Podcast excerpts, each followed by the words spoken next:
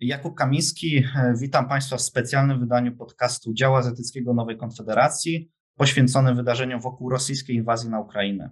E, rozmowę nagrywamy we wtorkowy wieczór 1 marca. E, razem z moim gościem postaramy się omówić działania Chin w odniesieniu do nowego etapu wojny wywołanej przez Rosję. Moim rozmówcą jest doktor habilitowany Michał Lubina, autor ośmiu książek, specjalista w zakresie Birmy oraz relacji rosyjsko-chińskich, podróżnik, wykładowca Uniwersytetu Jagiellońskiego oraz patron działu azjatyckiego Nowej Konfederacji. Dobry wieczór, panie profesorze. Dobry wieczór, panie redaktorze. 24 lutego obudziliśmy się wszyscy z informacją, że Rosja rozpoczęła szeroko zakrojoną inwazję militarną na Ukrainę. E, wydarzenia te po początkowych opóźnieniach spowodowały jednak ostrą, skoordynowaną reakcję Zachodu i przyczyniły się w znacznym stopniu do wspólnego, daleko idącego wsparcia dla Ukrainy. Część jednak państw świata zachowała się dużo, zachowała dużo bardziej idącą, e, dużo dalej idącą wstrzemięźliwość e, w zabieraniu stanowiska. Chiny również znajdują się w tej grupie. E, panie profesorze, na początek chciałbym poprosić Pana o krótkie zreferowanie, jak wyglądała, jak przebiegała wypracowywanie się stanowiska Chińczyków wobec wydarzeń u naszego wschodniego sąsiada język polski oferuje nam bardzo dobre, e, dobrą frazę do określenia stanowiska chińskiego, a jest to słynny bon mot Lecha Wałęsy, a mianowicie Chiny są za, a nawet przeciw. I e, jest e, ten, to zdanie, ta skrzydlata myśl naszego noblisty bardzo tutaj pasuje do stanowiska chińskiego, dlatego że, no, że w zasadzie jest to stanowisko celowo mętne, niejednoznaczne. Chińczycy są bardziej za niż przeciw, żeby była jasność, czyli bardziej za Rosją. E, natomiast to nie jest tak jednoznaczne.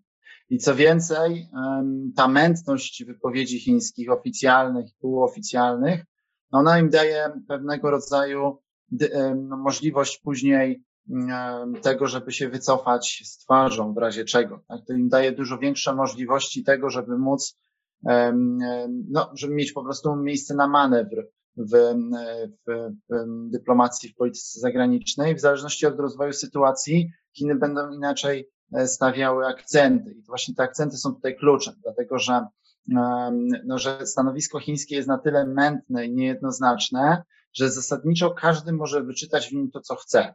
A więc ludzie, którzy będą twierdzili, że mamy tutaj sojusz rosyjsko-chiński, bardzo łatwo znajdę w tym oświadczeniu e, to, że proszę bardzo, Pekin tutaj popiera Moskwę. Z kolei osoby, które doszukują się raczej napięć w relacjach rosyjsko-chińskich, również znajdą w takich tych oświadczeniach chińskich, e, no, jakby sygnały świadczące o tym, że Chiny mogą się tu wycofać z, z popierania Rosji, czy dystansować w sposób niejednoznaczny. Także jest to niezwykle wygodne i myślę, że ta mętność wypowiedzi jest tu najważniejsza, jeżeli chodzi o Chiny. To jest, to jest, to jest celowe. To jest oczywiście dość zabawnie przedstawiane, dlatego że Chiny podkreślają, czy to Wang czy, czy, czy rzecznicy MSZ-u chińskiego, że ich stanowisko było jasne i konsekwentne. I to jest oczywiście prawda, one było jasne i konsekwentne, one było jasne, w sposób jasny i konsekwentny mętne, tak? I no nic się nie zmieniło, tak? Jakby to jest dalej, jest dalej mętne, także to, to, to trudno tutaj um, mieć jakby um, co do tego jakieś um, pretensje. Jeśli chodzi o narrację chińską, no to te głosy prorosyjskie są bardziej, czy też może akcenty w, tych, w tej narracji są bardziej widoczne u rzeczników MSZ-u chińskiego, a także w, w prasie, zarówno chińskiej, chińskojęzycznej, jak i, jak i, jak i e, anglojęzycznej, czy też był oczywiście słynny Global Times. No i tak, w przypadku prasy chińskojęzycznej, no to mamy do czynienia z dwoma rodzajami narracji. Albo mamy no, jakby przedstawianie tego, co się wydarzyło bez komentarza, ale jakby narracja jest taka, że czytelnik chiński rozumie, jakie ma, jaką ma postawę przyjąć, albo jest to pisane już bardziej grubą kreską, czyli czyli już jakby sugerowanie, że to Stany z, sprowokowały Rosję i że Rosja tutaj miała jakby uprawnione e, możliwości, znaczy uprawnione było tej, tej działanie. Także, ale to jest, że tak powiem, na wewnętrznym, na wewnętrzną grupę. No, podobnie jak na wewnętrzną grupę są sformułowania dyplomacji chińskiej, że Chiny nigdy nie najechały żadnego sąsiada, tak? No to jest dość zabawna e, konstrukcja, zważywszy na historię Chin, tak? To, to Wietnamczycy na przykład by się raczej nie zgodzili, tak? Więc czy, czy Indusi ostatnio, więc, no więc to, mm, to jest, to jest, to jest jedno. Natomiast, natomiast no najważniejsze w tym oświadczeniu chińskim jest to, żeby, żeby to, że, jest mętne. No i to jest zasadniczo no, trochę tak jak w tym naszym powiedzeniu starszym XIX-wiecznym, że Chiny chciałyby i rubla zyskać i cnotę zachować. E, rubla oczywiście, no jak dosłownie rubla, tak, no może teraz, może, może przepraszam, nie, już mniej dosłownie, bo teraz ten rubel to już jest mało warty, ale żeby zachować pieniądze, a jednocześnie, żeby nie stracić wizerunkowo na świecie, bo to oczywiście też by spowodowało pieniądze, utratę, no jakby zysków gospodarczych, więc e, Chiny chcą dać sygnał Rosji, że są z nią, a jednocześnie, ale żeby tak, tak, żeby Zachód przypadkiem nie uznał Chiny za tutaj współkoalicjanta rosyjskiego. No i temu właśnie służy ta, ta mętna narracja. No i wydaje się, że na razie się to udaje Chinom. To znaczy, no jakby nie, zauważyłem, żeby e, ten ciężar krytycyzmu, który spada na Rosję teraz, słusznie oczywiście, ale żeby Chiny jakimś dużym odpryskiem dostawały. Raczej, raczej to ich schodzenie z, z linii strzału jest tutaj mm, do, dość skuteczne. To znaczy Chiny, Chinom się przynajmniej na razie nie obrywa za bardzo za, za tą ich postawę, a to ma kapitalne znaczenie, dlatego że Chiny, dla Chin bardzo ważna jest e, jakby opinia no, e, państw rozwijających się, dawniej trzeciego świata. No a jednak w trzecim świecie wygrywa narracja ta, no narracja, prawda wygrywa, że, że Rosja najechała Ukrainę, więc, więc to jest, to jest istotne. Więc mm, także Chiny będą, no jeszcze, jeszcze może inne porównanie, mm, Zna pan to chińskie powiedzenie mm, Zuo Shangguan Hudou, czyli siedząc na górze, patrząc, patrzeć na walczące tygrysy. No i oczywiście Chiny siedzą na tej górze, no i wyraźnie kibicują jednemu tygrysowi, to jest oczywiście tygrys rosyjski, no ale widzą, że ten drugi tygrys, a może nawet kilka tygrysów, które walczą z tym rosyjskim tygrysem, no mocno go poraniły. No więc jeśli jednak ten rosyjski tygrys zacznie przegrywać, to Chiny z tej góry nie zejdą, bynajmniej, żeby go wyratować, tylko wręcz przeciwnie, jak już ten tygrys zostanie zagryziony, jeśli zostanie zagryziony, to Chiny powiedzą, że zawsze kibicowały tym pozostałym tygrysom. No właśnie, no właśnie. Spróbujmy tutaj teraz się odnieść do tych, e, do tego, że część komentatorów podkreśla wagę poczytywanych za pośrednią krytykę nawoływań do poszanowania integralności terytorialnej. I przydawałby Pan tutaj jakąkolwiek wagę tej rzekomej zawoalowanej krytyce? Ja myślę, że z tą terytorialnością to tam jest to, to też było celowo mętne, dlatego że, mm, że mm, no, zasadniczo mm, to, to szło razem z suwerennością e, i razem z hasłami o tym, że, no, że to są obawy rosyjskie i tak dalej. No więc, no więc nie, nie, nie jest to takie jednoznaczne to dystansowanie się chińskie. To znaczy, to znaczy, to oczywiście jest mętne, to bez dwóch zdań, Natomiast ja to bardziej odczytuję jako pewnego rodzaju pacierz, który zawsze Chińczycy odmawiają w stosunkach międzynarodowych, tak, że mamy tutaj właśnie te poszanowanie terytorialne i tak dalej, to jest głównie na wewnętrzny jakby tutaj audyt, audytorium wewnętrzne, tak, no bo tu chodzi o Tajwan i o Tybet, o Xinjiang i tak dalej, także, także to, to ja bym w tym, nie, raczej bym tych akcentów e, dystansujących się od Rosji tu nie szukał, dla mnie większym takim e, dowodem na dystansowanie się było wstrzymanie się od głosowania w Radzie Bezpieczeństwa ONZ. No to już to jest taki wyraźny sygnał, że mm, e, pewnego dystansowania się, ale on moim zdaniem właśnie wynika z tego, z tej chęci e, nie popsucia zupełnie sobie relacji z Zachodem oraz dbania o opinię w trzecim świecie. No właśnie, i tutaj możemy wskazać, że sytuacja na Ukrainie jest bardzo dynamiczna. Nikt się nie spodziewał tak długotrwałego oporu i to też mogło wpłynąć na pewną ewolucję e, stanowisk różnych państw. Zauważył Pan tutaj jakąś, e, jakąś zależność? Czy Chińczycy zaczęli w jakimś kierunku podążać w budowaniu tej swojej narracji i stanowiska? Znaczy, moim zdaniem Chińczycy zaczęli więcej wypuszczać sygnałów, mm, no, mniej jednoznacznie prorosyjskich. Tak, to nie znaczy, że, znaczy jakby mamy więcej przecieków do, idących do mediów zachodnich, mówiących o tym, że Chiny mm, nie są zadowolone z tego, co się stało. E, przepraszam, to to wręcz wprost powiedziano, że nie są zadowolone z tej sytuacji. Także to jest, w ogóle częsta fraza w różnych kryzysach ze strony chińskiej, że mówią, że one nie podoba im się ta sytuacja. No i właściwie na tym się kończy. Natomiast, natomiast no przecieki do zachodniej trasy, na przykład takie, że Xin nie wiedział o inwazji, to jest na przykład dla mnie taki wyraźny znak, że że, no, że Chińczycy próbują przedstawiać się jako tych, którzy tutaj nie do końca wiedzieli. I nawet jeżeli Putin mu nie powiedział, nie wiem, czy mu powiedział, czy mu nie powiedział. Jakbym to wiedział, to bym teraz z panem nie rozmawiał, tylko byłbym pewnie w Waszyngtonie gdzieś. Natomiast, y, natomiast albo byłbym w rowie martwy, tak? No, w każdym razie nie, nie siedziałbym tutaj teraz. E, no ale, no ale jakby nawet jeżeli mu nie powiedział, no to przecież Chiny mają wywiad swój, tak? Biały i zwykły i trudno było nie zauważyć, że coś się szykuje. Ja tak na czuja to bym stawiał, że Chiny zakładały, że będzie to jakaś ograniczona inwazja, e, na przykład na resztę Donbasu albo na przecięcie, e, odcięcie Ukrainy od morza. E, wydaje mi się, że się nie spodziewały aż takiej tutaj zagrywki pójścia na całość na Kijów i, i ten, więc, więc pod tym względem rzeczywiście mogą być zdziwione. Natomiast pamiętajmy, że najważniejszym z punktu widzenia chińskiego wydarzeniem, które nastąpiło między 24 lutego a tym momentem, kiedy my teraz rozmawiamy, jest jednoczenie się Zachodu.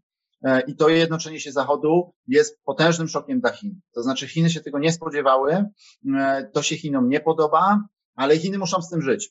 Dlatego, że, e, no, że jakby Chiny są wciąż bardzo, no, współzależność gospodarcza z Zachodem jest ogromna. To jest pierwsza rzecz. No więc y, w efekcie mamy hasła o tym, że się przyłączają do sankcji na, na Rosję i się przyłączają. Inna, inna większość, czy nieoficjalnie nie będą im pomagać, tak jak to robią z Koreą Północną, czyli że oficjalnie się przyłączają do sankcji, a realnie tam y, im pomagają w sposób mm, nie, nielegalny. No i to jest pewna y, jakby opcja do, co do tego, jak to będzie szło dalej, jeżeli te sankcje rzeczywiście obecne uczynią z Rosji wielką Koreę Północną, tak? Bo może do tego dojść, tak? No zobaczymy, na ile będą konsekwentne i trwać długo, natomiast, natomiast no to wtedy Chiny będą utrzymywały kolejny reżim w ten sposób, tak? Tak jak utrzymują de facto gospodarczo reżim Kima. Także, mm, także to, to ten. Natomiast, e, e, więc jakby gospodarczo Chiny są za bardzo w przebiegu światowym, zachodnim, żeby, e, żeby sobie móc tak tą Rosję popierać. W efekcie będą musiały tutaj szkody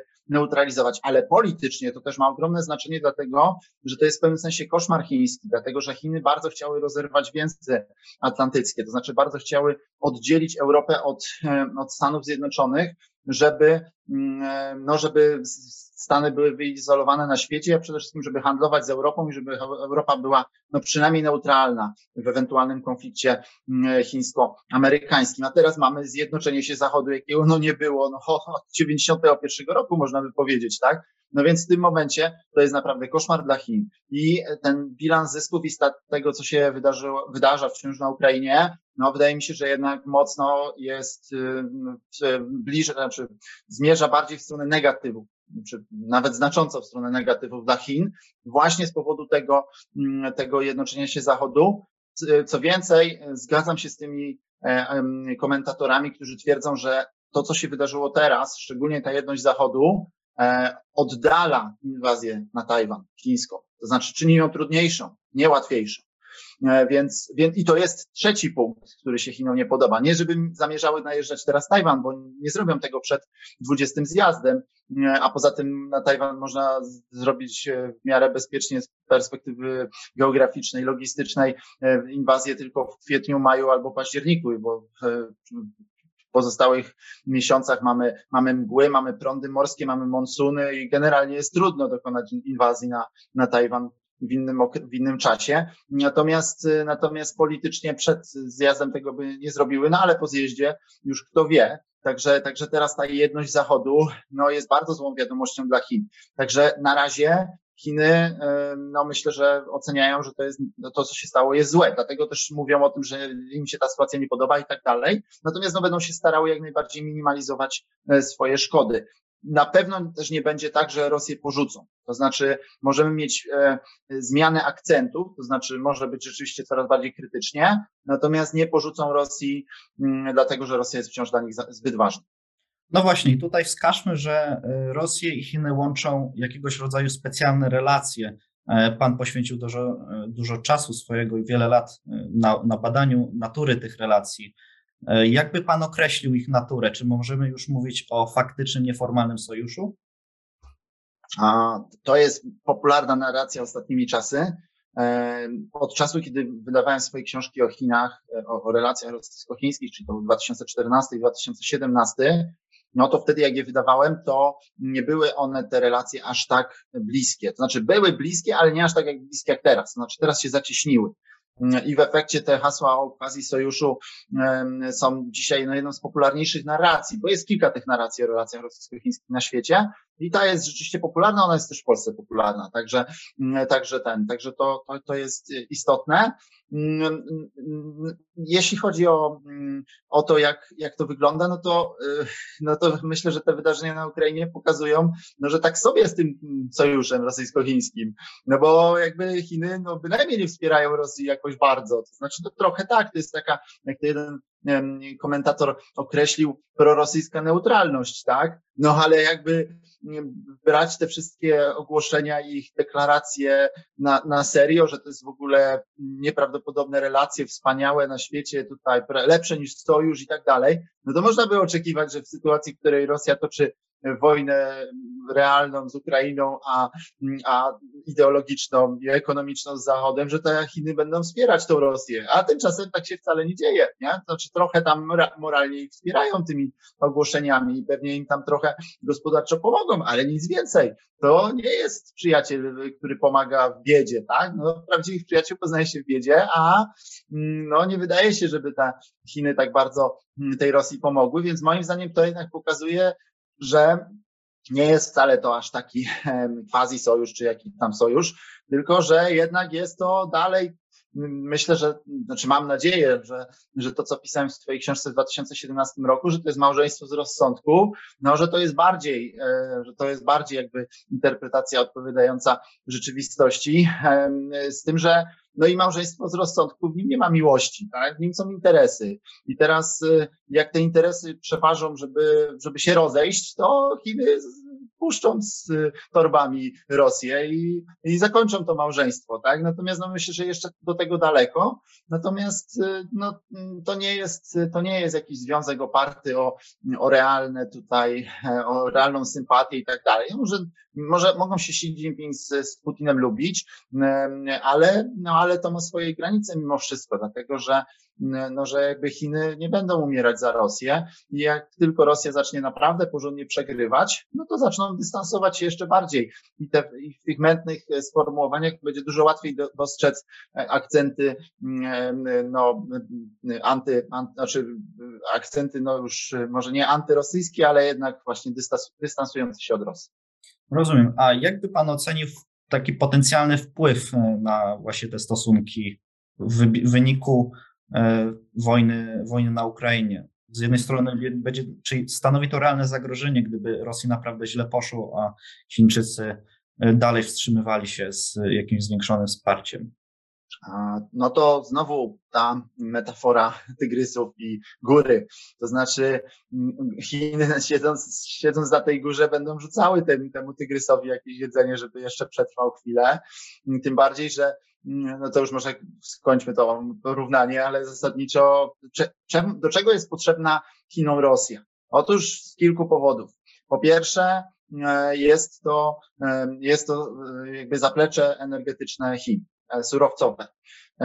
No i w tym momencie im słabsza Rosja i odcięta od Zachodu, tym więcej Chińczycy dostaną od niej energii. I to po dobrych cenach, dlatego że Chińczycy akurat w relacjach z Rosjanami to potrafili robić takie numery, że podpisywali umowę na przykład na, na ten, na, na WSTO, czy na, na odgałęzienie do WSTO, czyli pociągu e, Wschodni Sibir, Tichy Okean, e, czyli wschodnia Syberia i i Ocean Spokojny i no, ustalali cenę i to była cena ustalona, ona była niska, a potem jeszcze dwa razy tą cenę obniżali, to znaczy zapłacili Rosjanom tylko część i mówili, że więcej nie zapłacą.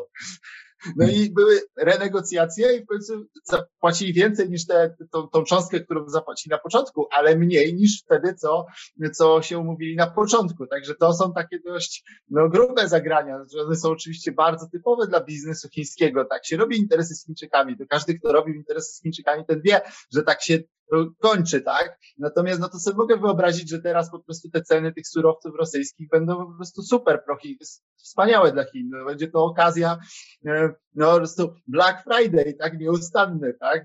Co, co, e, co, co tydzień Black Friday, tak? Więc, e, więc to jest jakby pierwsza rzecz. Druga rzecz, której, do czego jest gospodarczo Chinom Rosja potrzebna, no to jest oczywiście sprzedaż broni. No i tutaj po prostu kopiuj wklej z tym samym, co, co z surowcami, tak? To znaczy dostaną kolejne SU, czy kolejne MIGI, czy, czy kolejne, czy kolejne rakiety, no po bardzo, bardzo korzystnej cenie, dlatego że Rosja będzie musiała łatać swoje dziury budżetowe, które, które teraz no, są spore. No i trzeci powód, czyli polityczny, no to jest oczywiście mm, Rosja, czy to ma kilka względów politycznych, natomiast Rosja w Radzie Bezpieczeństwa ONZ no i póki jej nie wyrzucą z tej Rady Bezpieczeństwa ONZ, a nie wiem, czy się w ogóle da wyrzucić, tak? To, to co Ukraina ostatnio zrobiła, to było błyskotliwe, tak? Stwierdzenie, że oni tam są w sumie nielegalnie. No ale to jakby, jakby doceniając ten kunszt prawniczy, tak? Tutaj, że to rzeczywiście było błyskotliwe zagranie, no to jeszcze chyba daleko do tego, żeby tą Rosję z tego, z tej Rady Bezpieczeństwa ONZ wyrzucić. No a póki w niej będzie, no to, no to będzie korzystna dla Chin. Ponadto, no jakby Rosja to jest spokój od północy dla Chin. To jest bardzo istotne, tak? Póki Rosja jest przyjazna albo, albo przynajmniej neutralna, no to Chiny mogą spokojnie się koncentrować na, na, na kierunku południowym czy południowo-wschodnim. No i, i to jest bezcenne dla Rosji, tak? To jest bezcenne dla Chin. Dla Rosji swoją drogą też, bo z kolei dla Rosji to jest spokój od wschodu Chiny. Tak? To, to jest ten, to, to, to działa od 25 lat przynajmniej ten, ten, ten model. Natomiast, natomiast co, co jest tutaj ważne, to to, że mm, no jakby to koszmarem strategicznym Chin byłaby prozachodnia Rosja albo neutralna może, tak, czy taka, która byłaby jakoś korzystna dla Zachodu, no to naprawdę byłby koszmar dla Chin, dlatego oni zrobią wszystko, żeby tego koszmaru nie, nie doszło. Więc, no więc jak, jak pan widzi, to za dużo jest tutaj takich, no, no, podstawowych interesów chińskich, żeby tą Rosję zostawić. Natomiast oczywiście wpływ tego kryzysu i tego, jak Rosja dostała no, potężne ciosy od Zachodu. Ja myślę, że oni się nie spodziewali tego, jak bardzo dostali, dostali po łbie od Zachodu i to jest, to jest coś, co myślę, że dalej są w szoku i z niego wychodzą, co oczywiście też w pewnym sensie oni zawsze mieli fobie, tam różne strachy, że ten Zachód chce ich opalić, tak? No to teraz mają potwierdzenie, proszę bardzo, tak? Chociaż rzeczywiście to nie tak było, że Zachód chciał ich opalić, tylko że oni sprowokowali ten Zachód, no. Woził wilk razy kilka, powieźli wilka, no sobie tutaj bruździli w tej Europie, upokarzali kolejnych przywódców, korumpowali wszystkich, no i w końcu się skończyło, tak? No i w końcu bajka się przestawiła, tak? Także ten. Natomiast co Rosja jakby wychodzi z tego szoku. No i teraz to będzie miało wpływ na relacje z Chinami takie, że poprzednio, i to pisałem w tej swojej książce w 2017 roku, że relacje rosyjsko-chińskie najlepiej można oddać frazom asymetryczne win-win. No, zna pan to powiedzenie Shuanin, czyli win-win, ulubione powiedzenie chińskiej dyplomacji. To, to jest. No i rzeczywiście to, te, te relacje to jest win-win dla obu stron, ale pamiętajmy o tym, że w chińskim myśleniu o wzajemnych korzyściach to nie jest tak, że jest 50-50. To jest tak, że obo, obaj zyskamy, ale w zależności od tego, jak pan będzie negocjował, to albo będzie mniej więcej porówno, albo będzie 99 dla, dla mnie, a jeden dla pana. Tak, więc zależy, jak pan będzie negocjował. No więc, no i tak to jest w relacjach rosyjsko-chińskich. Moim zdaniem one dzisiaj są mniej więcej, przepraszam, przed najazdem na Ukrainę. One były mniej więcej 70 do 30 dla Chin. Znaczy, ewidentnie były korzystniejsze dla Chin, natomiast nadal były korzystne dla Rosji. To znaczy, lepiej mieć 30% e, niż nic nie mieć i dzięki temu mieć jeszcze wyjście na zachód, dlatego że oni grali tymi swoimi relacjami z Zachodem. To się opłacało. Natomiast teraz, kiedy no, naprawdę oberwali od Zachodu e, i właściwie to została spalona ziemia w tych relacjach z Zachodem, no to w tym momencie to te, to, to te asymetryczne win-win nie będzie już 70 do 30. Teraz to będzie 90 do 10. E, i sytuacja będzie przypominała, my, myślę, jeżeli to oczywiście dalej w tą stronę pójdzie, ale że zmierzamy w stronę Wielkiej Korei Północnej, to znaczy Rosji jako Wielkiej Korei Północnej, to znaczy państwa, które będzie totalnie izolowane, które będzie miało przywódcę uznawanego za cały, przez cały świat za szaleńca, co oczywiście nie jest prawdą, ale, ale, ale tak będzie to wyglądało, który będzie uzależniony gospodarczo od Chin, ale jednocześnie nie będą, te Chiny będą na niego łożyć, dawać mu przeżyć i tak dalej w sposób mniej lub bardziej formalny, z tym, że bardziej mniej, a jednocześnie nie będą za bardzo w stanie wpływać na tą politykę rosyjską. No bo tak jest z Koreą Północną. No, denerwuje Chińczyków wyjątkowo, ale jest niezależna, tak, politycznie. Znaczy mogą sobie Chińczycy tam e, im odcinać czasami tą ropę, żeby ich podenerwować, natomiast no, zasadniczo nie są w stanie kontrolować ich polityki zagranicznej, no bo to myślenie kategoriami buforu jest zbyt silne w Chinach i oni już wolą mieć tego warchoła, takiego wasala, warcholskiego wasala, ale, ale jednak bufor niż, niż coś z tym zrobić. I myślę, że przy przełożeniu na, na, na ogrom Rosji i jej dużo większe znaczenie międzynarodowe, no to może być podobnie. Będziemy mieli Wielką Koreę Północną e, nad Wołgą, tak, czy nad, nad Uralem, tam nad Leną i kilkoma innymi rzekami.